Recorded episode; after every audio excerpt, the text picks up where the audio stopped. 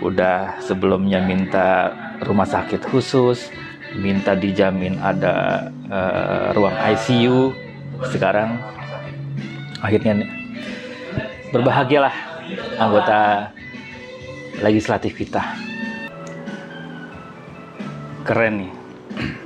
Akhirnya negara memberikan fasilitas spesial buat anggota dewan, anggota DPR mendapatkan fasilitas isolasi mandiri di hotel bintang 3 baik yang terpapar positif maupun yang gejalanya uh, ringan. Pertimbangannya karena mereka adalah orang-orang yang mobilitasnya tinggi. Gitu ya kalau mobilitasnya tinggi kenapa nggak ppkm aja?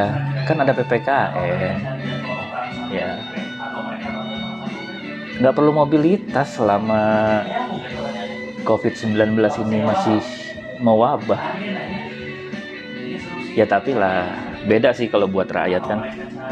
Rakyat isoman sendiri gitu. Kalau anggota DPR saya, uh, harus dapat prioritas udah sebelumnya minta rumah sakit khusus, minta dijamin ada uh, ruang ICU. Sekarang akhirnya berbahagialah anggota legislatif kita. Anda memang orang-orang yang patut dimanja sama negara.